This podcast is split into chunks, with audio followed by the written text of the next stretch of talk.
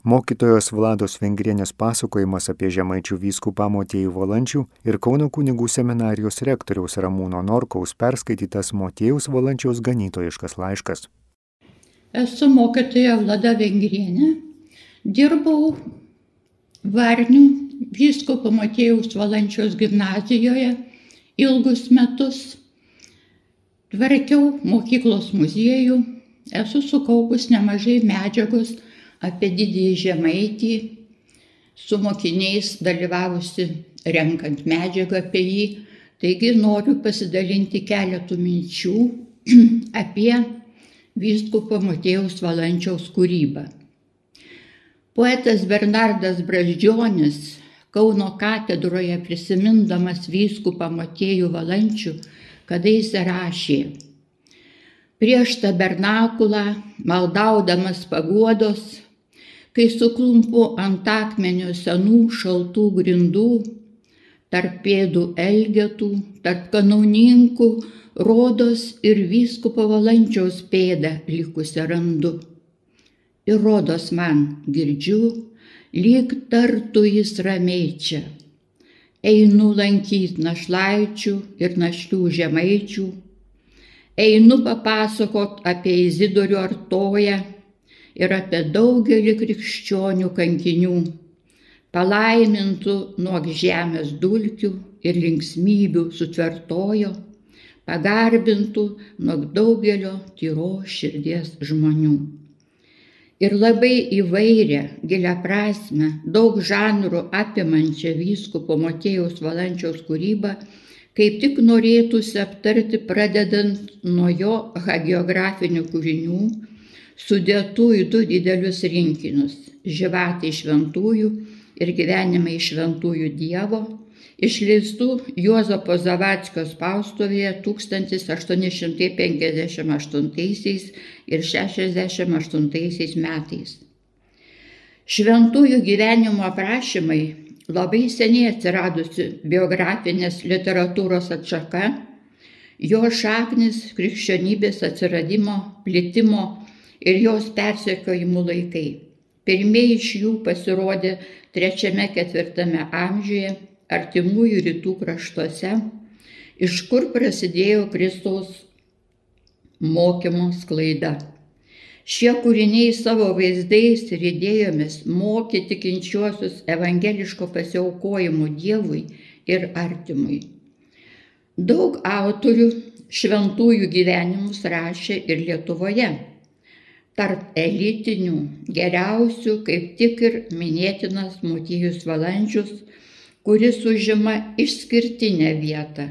Yra šio žanro pradininkas ir reprezentuotojas lietuvių raštijoje. Kokie jo žyvatų šaltiniai? Iki šiol tai nėra daugiau tyrinėta, nebejojama tik, kad įtakos daugiausia turėjo Petro Skargos, Lenkų teologo ir pamokslininko, pirmojo Vilniaus universiteto rektoriaus ir Jono Bolando, Olandų teologo jėzuito darbai. Kad šie vyskupo darbai turėjo didelę reikšmę tikintiesiems, galima nujausti ir iš jo rašytos prakalbos žyvatams. Pats tik viešpats Dievas te žino, kiek katalikų šventais paliko Bažnyčia šventa skaito pačių mučelininkų kelis kartus tūkstantį tūkstančių. Ką aš žinodamas apsakymą darbų gaujos tarnų Dievo palikau kitiems, už mane stipresniems, o pats surašiau žyvatus tų tik tai šventųjų, kurių vardais mūsų žmonės už vis geba vadintis Už tikro gražu bus ne vienam žinoti, kuomi buvo jo užtarytojas arba patronas, ką gero padarė ir kaip elgdamos šventu tapo. Dėl to ir linkėčiau, įdant malonus katalikai mano, skaitytų tą knygelę, o prisistebėję geriems darbams šventųjų, pradėtų sekti jų pavyzdą ir patys šventais paliktų. Čia verta prisiminti ir Juozo Tumo Vaižganto žodžius. Dėl lengvos vyskupo valančiaus kalbos žmonės griebte griebė skaityti jo raštus. Jisgi kitados išmokė savo viskupiją skaityti. Nepaliaus ir miręs mokės mus grinai ir lengvai kalbėti ir rašyti, nes vyskupo valančiaus raštai yra tikras kalbos deimantų lobynas. Motiejus Valančius aprašė 128 didžiųjų šventųjų gyvenimus. Rašydamas jis tik rėmėsi žinomais siužetais ir duomenimis, bet kūrė naujus savitos stilistikos kūrinius, todėl jie turi literatūrinių pasakojimų vertę. Originalumu, individualumu šie aprašymai artimi jo didaktiniai prozai galima sakyti, yra tarsi pirmtakai tokiems vėliau rašytiems Matijos valančiaus kūriniams, sudarantiems vaikų knygelę, paaugusių žmonių knygelę, pasakojimus Antano Tretininko, apysaką Palangos Juzę. Matijus Valančius turėjo originalaus pasakotojo dovaną Lietuvių literatūros istorijoje jis žymus prozininkas, rėmėsis gyvos žemaičių kalbos žodynų. Tie bruožai būdingi jau jo žyvatam šventųjų. Čia jis dažnai supina kalbėjimą žemuoju, šiurkščiai būtiniu stiliumi su aukštuoju. Paklausykime ištraukos iš gyvenimo švento Erasmo, vyskupo ir mučelninko septynerius metus kalnuose pergyvenęs išgirdo šiokį balsą viešpaties. Erasmai, gana tau kalnuose gyventi, grįžk Antiochijon. Šis to jau sugrįžęs pradėjo balsu apsakinėti Kristų, krikštyti pagonis, į katalikus pervirtusius ir daugel stebuklų daryti. Apie tokius jo darbus pagonų vyresnybė to jau danešė ciesoriui galerijui, kuris liepė šventą atvesti Nikomedijon. Atvestam žadėjo pinigus, mylistą savo ir vyresnybės, bilė tik tai išsižadėtų Kristaus. Erasmui nieko to nenorint, nei Kristaus išsižadant, ciesorius įsakė jį žudyti kaip jai kitus mučelninkus. Tarnai sugrobė seną vyskupą, nuvedė į miesto vidų, metė į žemę it pelų maišą, nudraskė visus jo drabužius, it vanagai vištų plunksnas ir pradėjo tvoti. Bet su kuo? Su švininiais.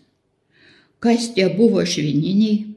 Buvo tai trišakiai bizūnai, ant kurių kožno šakos kibojo švino bumbulai su, tai, su tokiais švininiais taip baisiai sudavė seniui, jogi ir šonai jo prakiuro.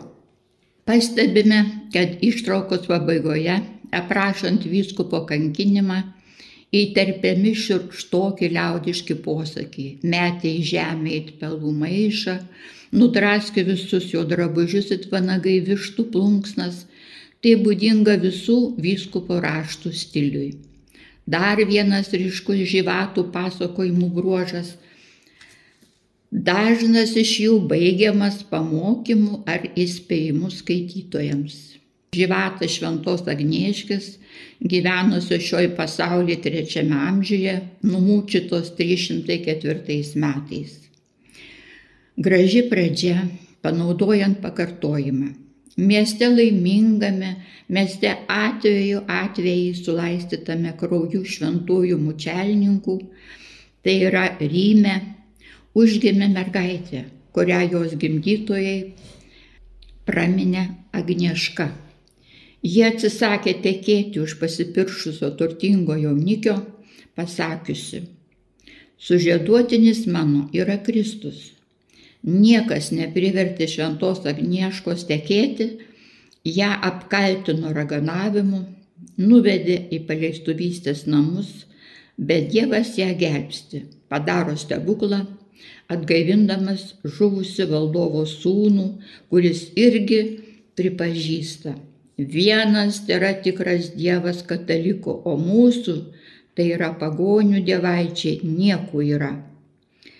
Bet kitas teisėjas įsako ją nužudyti. Verkiantiems tėvams pasirodė šventa Agnieška ir tarė, kad yra laiminga. Pabaiga - pamokymas. Motinos, kurios per daug tankiai verkėt mirusių vaikų, susipraskit negerai darančios ir žinokit, jog nekaltiems vaikams ir dailiai su sakramentais mirusiems žmonėms geriau yra aname svietė, ne kaip čia ant žemės. Žyvato šventos Elsbietės pabaigoje sakoma, skaitydami šį žyvatą vaikai, mokykitės nuo kūdikystės Dievą mylėti, supraskit, kaip reikia nekaltybę jaunas dienas perleisti. Žyvatas Švento Andrėjaus baigiamas. Mokykime gerai daryti ne vien dėl savęs, bet ir dėl artimo. Žyvatas Švento Jono nepamuceno. Eidamas pro tokį kryžių žmogau, nulenk galvą ir sakyk, per užtarimą Švento Jono viešpatė, nedaleisk man skęsti nei griekuose, nei vandenį. Šiems aprašymams būdingos ir kitos būsimų vyskupo didaktinių kūrinių žymės - tezės jų pradžiose ir moralai pabaigose, vaizdingi pasakymai. Jis rašė savo adresatų paprastų žemaičių kalba. Todėl tolimų kraštų žmonės, imperatoriai, karaliai, viskupai kalba žemaičių sodiečių kalba, jos intonacijomis Šie kūriniai turi keliariopą literatūrinį bei istorinę vertę. Jie papildo XIX amžiuje pradėjusią rastis lietuviškąją prozą, padeda suprasti jos ištakas. Labai svarbi ir jų šviečiamoji misija. Iki XX amžiaus pradžios jie buvo išleisti keletą kartų dideliais tiražais nuo 5 iki 10 tūkstančių egzempliorių. Šios knygos buvo tapusios bestselleriais, plačiausiai skaitomomis. Ypač spaudos draudimo laikotarpiu jos tapo lietuvių krikščioniško švietimo, ištikimybės katalikiškam tėvų tikėjimui ir atsparos primetamai stačiatikybei pagrindu. Žinoma, sovietiniu laikotarpiu jos buvo apeinamos. Dabartiniu metu Šie Motiejaus Valančiaus kūriniai vertinami kaip nebejotina etinė ir literatūrinė vertybė. Kad geriau suprastum aptartų Motiejaus Valančiaus žyvatų šventųjų stilistikos ryšį su vėliau parašytais jo kūriniais, atidžiau pažvelkime į tris didaktinius apsakymėlius iš jo vaikų knygelės, išleistos 1868 metais. Uždraudus lietuvišką spaudą lotyniškais rašmenimis, vyskupas skubėjo kurti, kad išmokyta skaityti Lietuva turėtų ką skaityti. Su vaikų knygele užaugo ne viena skaitytojų karta, kuri žavėjosi dorais šiuo apsakymų veikėjais ir piktinosi nedoreliais. Štai trys jos kūrinėliai - Jonis ir Kerdžius, Prancė Paukštvanagėlis ir Petronėlė. Visų trijų pagrindinis teiginys tiksliausiai gali būti išsakytas penktojų Dievo įsakymu - nežudyk. Visų trijų struktūra panaši tai, anot kritiko Maciūno, didaktinės literatūros šablonas tų kūrinėlių struktūra labai skaidri, paprasta, logiška, labai ryški jų pagrindinė idėja. Visų apsakymų ir kompozicija panaši - įžanga, įvykiai, atpildas ir išvada. Štai jų pagrindiniai teiginiai. Medžioklė, žudimas ir mušimas gyvulių yra tai darbai priešingi mielaširdystėj Prancipaukštvanagėlis. Jonio ir Kerdžiaus teiginys pasakytas kūrinio gale. Perspėjau Aną, kad vabalėlių nuo viešpatės Dievo sutvertų be reikalo nežudytų. Viešpats yra kantrus, bet nemaršus. Įžangoje pristatomas veikėjas, veiksmo vieta, laikas, šiek tiek panašu į pasakos pradžią. Kūrinys turi veikti skaitytoje, keisti jį. Tokios pradžios formulės. Darbėno parakvijoje, lasdininkų sodoj, prie ūkininko Ignaciaus buvo įname arba kampininkė Kotrė, kuri turėjo sūnų vardu Pransį. Panaši ir Petronėlės pradžia. Kuo pasižymė didaktinio kūrinio veikėjas? Kadangi kūrinėliai skirti pradinukų amžiaus vaikams, tai ir veikėjai turi būti jiems suprantami. Skaitytojas turi lyginti save su veikėju. Jonis ir Prancė nedoreliai, Petronėlė geroji mergelė. Pamokymo esmė - gyventi reikia taip, kaip Petronėlė, o Jonių ir, Jonių ir Prance pasibjaurėti, pasmerkti juos. Žinoma, neigiamųjų paveikslai labiau pavykę, gyvesni, nedoreliai menkesnio proto juo protas silpnesnis, juo žmogus nedoresnis, taip sakoma apie prancę. Išmintingiausi seni žmonės, jų lūpomis išsakomas autoriaus pamokymas. Tokie yra Kerdžius, Gaspadorius. Gaspadorius auklėje prancę. Liaukis vaikę valią gavęs. Pakuros tave viešpats Dievas už tokią nedorybę. Kerdžius apie skrusdėlės. Jeigu anas geriausias Dievas sutvėrė ir maitina, turi būti jos reikalingos. Seni žmonės arčiausiai Dievo, todėl verta jų klausyti.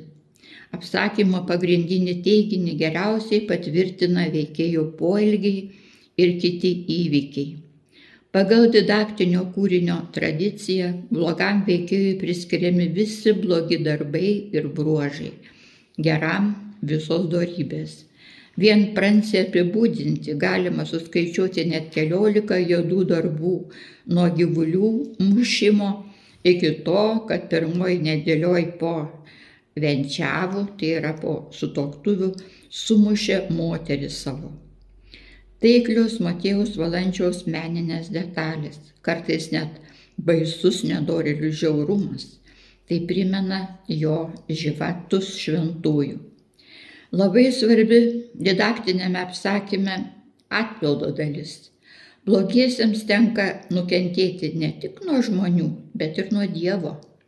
Kaimo žmonės nusisuko nuo jų, o Dievas baudžia skaudžiai. Prancė ištremiamas į Siberiją už nusikaltimą. Jonio sodybą sunaikina audra, žūsta visa jo šeima. Baigiamojoje dalyje išvada kartais platesnė, kartais trumpesnė. Didaktiniuose apsakymuose Motiejus valančius ir švietėjas, ir ganytojas. Jų problematika moralinė, etinė, kaip ir pamoksluose. Dievo meilė, sielos gerumo, taurumo aukštinimas, tėvų ir vaikų santykiai. Didaktiniai kūriniai nėra tokie paprasti, kaip gali pasirodyti Štai Matėjus valandžio žodžiai. Mylėdama Petronėlį gyvi, mylėjo ir viešpati Dievą, kur stasų tvėrė, mylėjo ir žmonės. Didžiausias Lietuvos didaktas labai paprastas, visiems suprantamai kalba apie universalius žmogaus būties klausimus. Taip yra pasakiusi kritikė Džiulieta Šimkutė Maskuliūnenė. Daug būtų galima kalbėti ir apie Motiejų valandžių kaip istoriką. Jo žemaičių viskupystė didelis istorijos veikalas, pradėtas rašyti dar kražiuose, užbaigtas varniuose, aukštai vertinamas ir šiandien už objektivumą, atvirumą, toleranciją, tautiškumą, lietuviškumą, gryną, taisyklingą lietuvių kalbą, lietuviškų terminų vartojimą vietoj svetimų ar net tarptautinių, už gausiai panaudotus įvairius šaltinius, žinių gausumą. Smulkus miestelių bažnyčių aprašymai. Ir šiandien žemaičių viskupystė užima garbingą vietą mūsų istoriografijoje. Daug būtų galima kalbėti ir apie kitas vyskupo, kitus vyskupo kūrinius, apie garsėją jo apysaką palangos Juzę, pasakojimus Antano Tretininko, jo brošiūras išleistas uždraudus lietuvišką spaudą.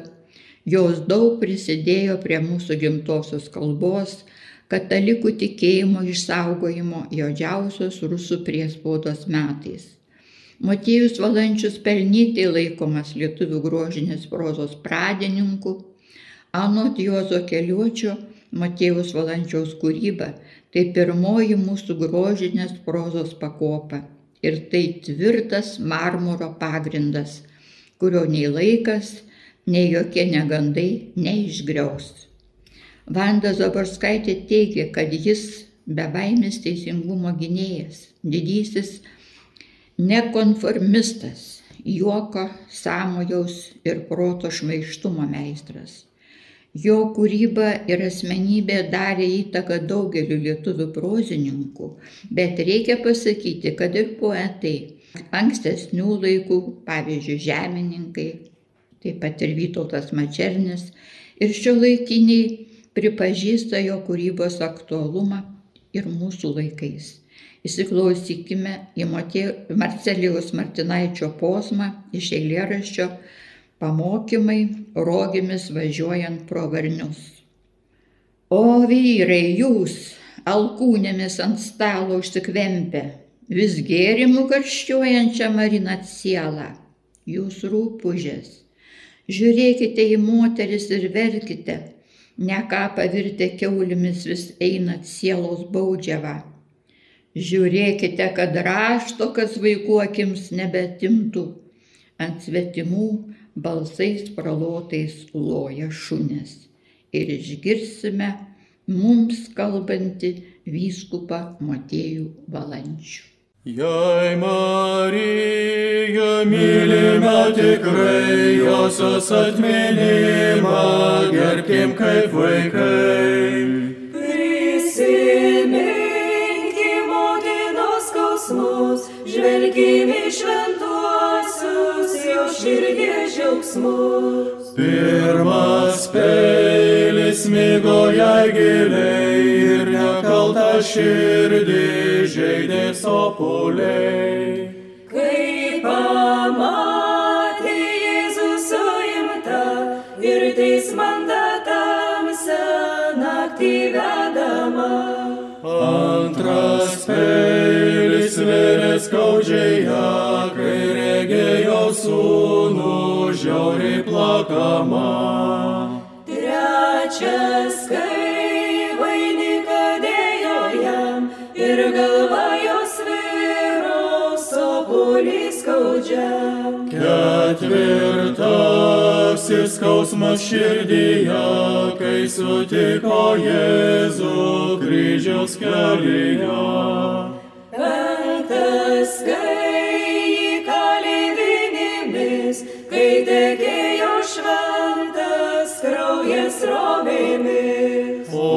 Šeštasis buvo toks skaudus, kai ant kryžiaus mirė mylimas sūnus. Kai užgeso žvilgsnis jo meilus ir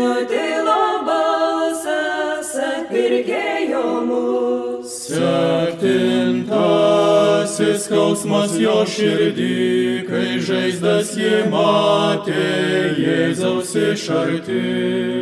Nuimta nuo kryžiaus glausdama, ašarom graudžiausiom kūną plaudama. Iškankintas Jėzus mirė jau, bet Marijos širdžiai buvo dar skaudžiau.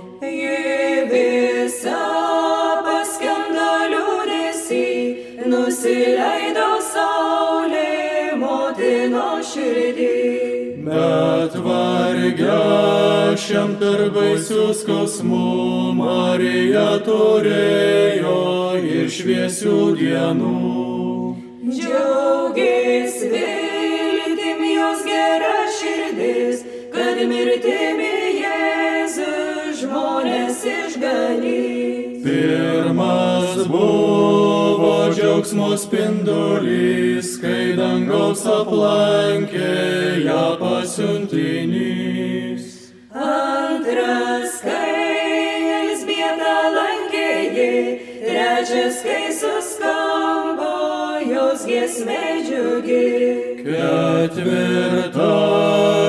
džiaugsmas toks skaidrus, gimė jau tvartelį dieviškas sūnus.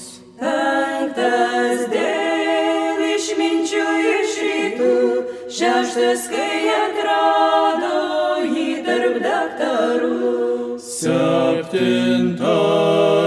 džiaugsmas tai dangus, kur ją vainikavo mylimas sūnus.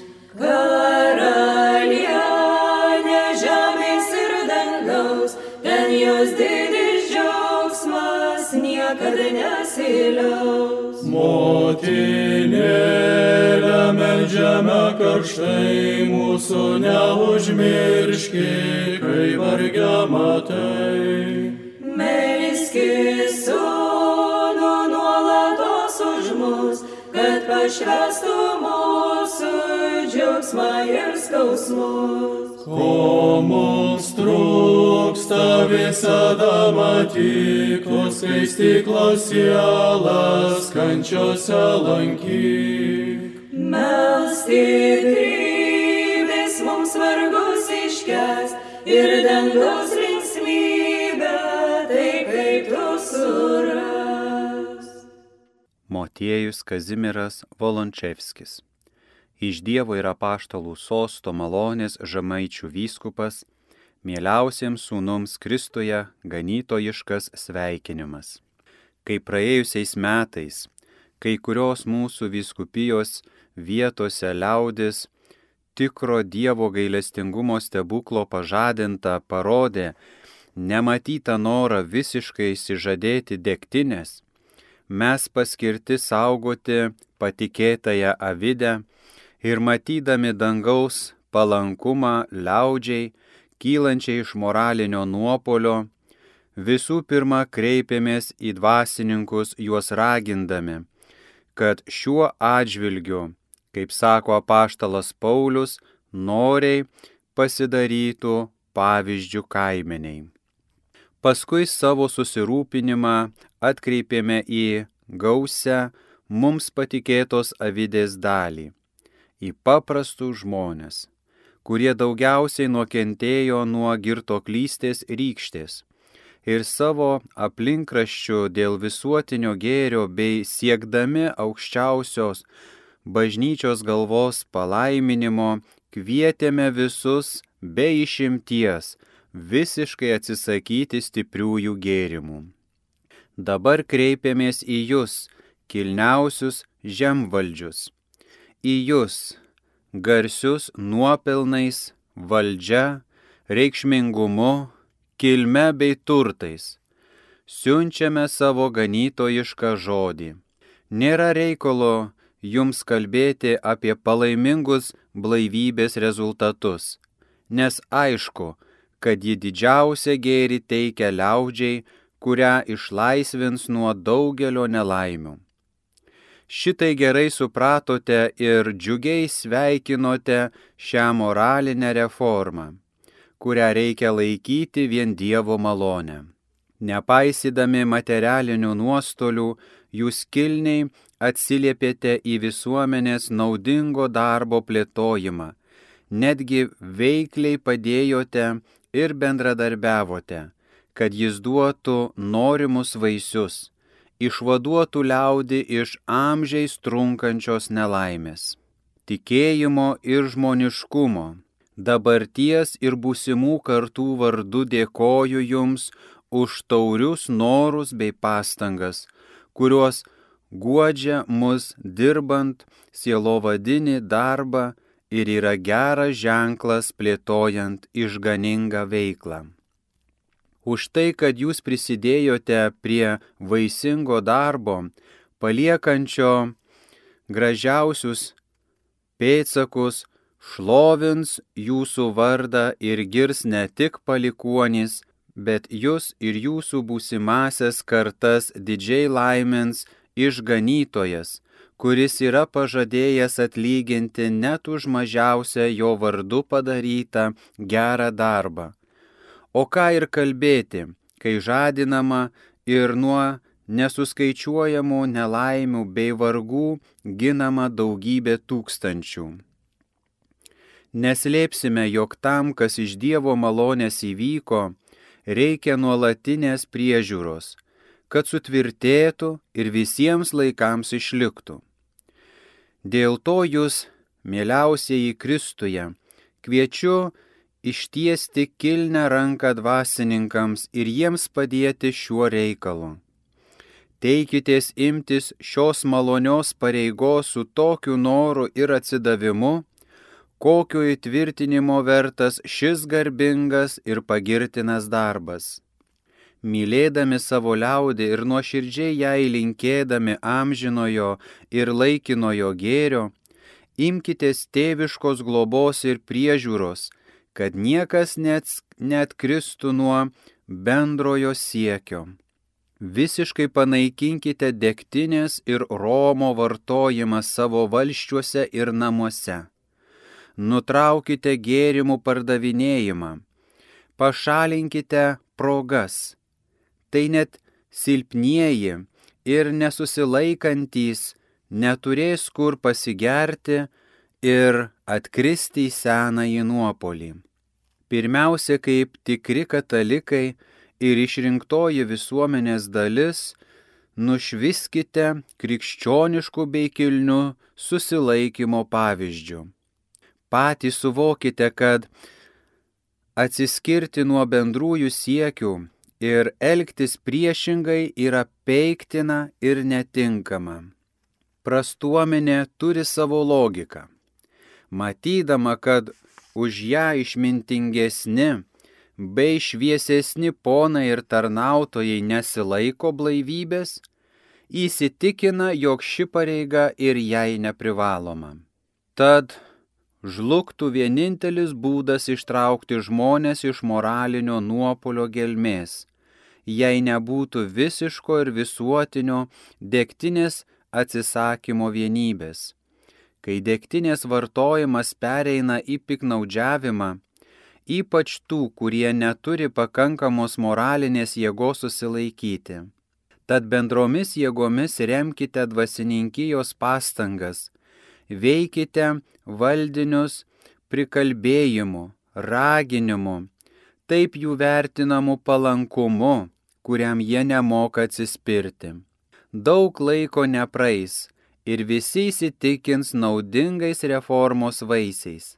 Nepataisomieji nueis į kapus, išauks nauja žvali bei stipri karta ir ateis tikras visapusiškas atgimimas. Tebūnie su jumis mūsų viešpaties Jėzaus Kristaus malonė. Šį mūsų ganytojišką laišką kunigai iš sakyklos perskaitys per šventes arba šventadienį tuoj po skaitomos Evangelijos. Duota varniuose 1859 metais kovo 14 dieną. Pasirašo vyskupas Motiejus. Atmink krikščionį.